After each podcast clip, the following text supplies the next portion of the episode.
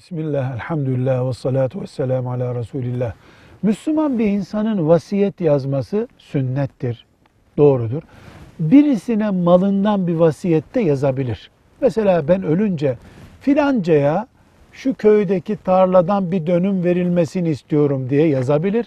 Bu bıraktığı malın üçte birinden daha fazla değilse bu vasiyet uygundur, yerine getirilebilir. Ancak ona mirasçı olacak biri için vasiyet yazılamaz.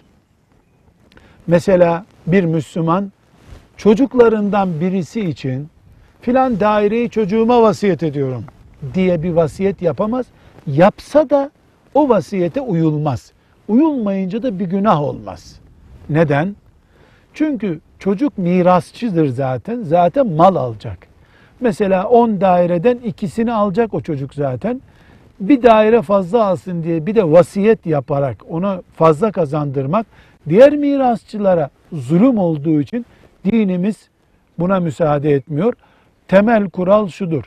Zaten mirasçı olan birisine vasiyet yazılamaz. Velhamdülillahi Rabbil Alemin.